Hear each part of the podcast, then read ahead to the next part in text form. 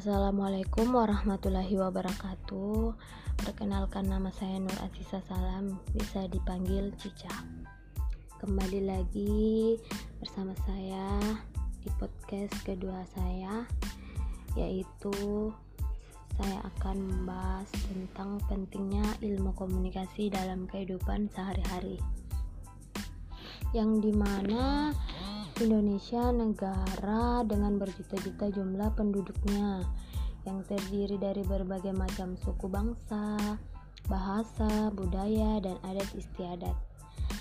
Pasti memiliki banyak perbedaan yang tentunya harus kita satukan. Tanpa kecerdasan dalam segi komunikasi pastinya eh, akan sulit untuk menyatukan negara kita yang tercinta ini. Dari strategi komunikasi masyarakat Indonesia untuk menyatukan dan menghargai perbedaan. Berikut alasan yang dapat menginspirasi kamu semua mengenai pentingnya kita untuk mempelajari strategi komunikasi yang tepat sehingga dapat diaplikasikan di dalam kehidupan sehari-hari. Ya, saya akan menjelaskan yang pertama sebagai bentuk aktualisasi diri uh, yang di mana banyak orang sukses yang ada di dunia ini khususnya di Indonesia. Mampu meng mengkomunikasikan dirinya secara baik di mata masyarakat. Uh, apa yang terlintas dalam benak kalian? Apabila ada seseorang yang menyebutkan Bapak Joko Widodo Agnes Monica Najwa eh, Sihab di dalam benak kalian pasti sudah ada sugesti mengenai profesi dan pribadi orang tersebut kan?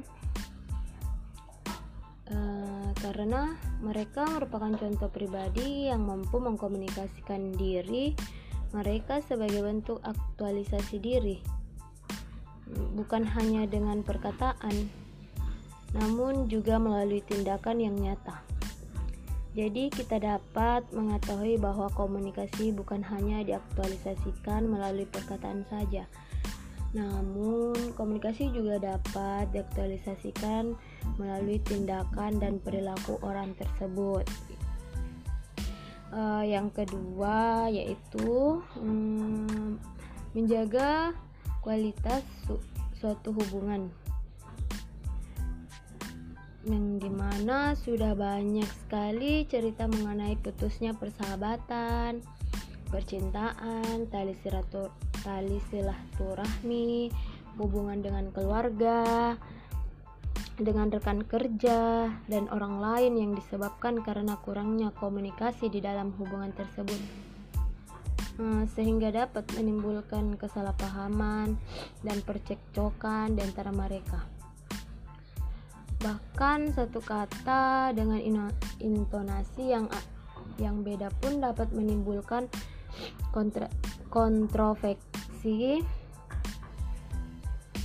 karena bedanya pre, persepsi atau penafsiran di dalam mengar, mengartikan kata-kata tersebut. Gak mau ada kesalahpahaman kan? Yuk belajar komunikasi secara baik dan efektif. Nah, yang ketiga, peluang untuk meraih kesuksesan. Ingin menjadi sukses? Belajarlah menjadi seseorang komunikator yang handal. Bukan hanya profesi yang menuntut banyaknya berbicara, di depan orang secara langsung seperti MC atau pengacara saja. Apa pun pekerjaan usahamu, apabila engkau apabila engkau bisa mengkomunikasikan secara baik, maka peluangmu untuk semakin sukses akan lebih mudah engkau raih. Ketatnya persaingan di dalam dunia usaha pun membuat membuat pemiliknya dituntut untuk lebih kreatif lagi dan membuat promo ataupun saran komunikasi lain yang dirasakan lebih inovatif dan efektif. Eh,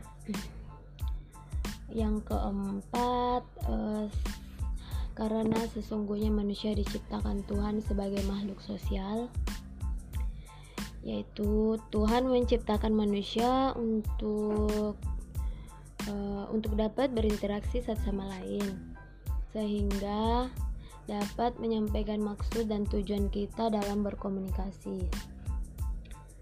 Hmm, apa? Satu senyuman saja dapat memiliki makna bagi orang yang melihatnya.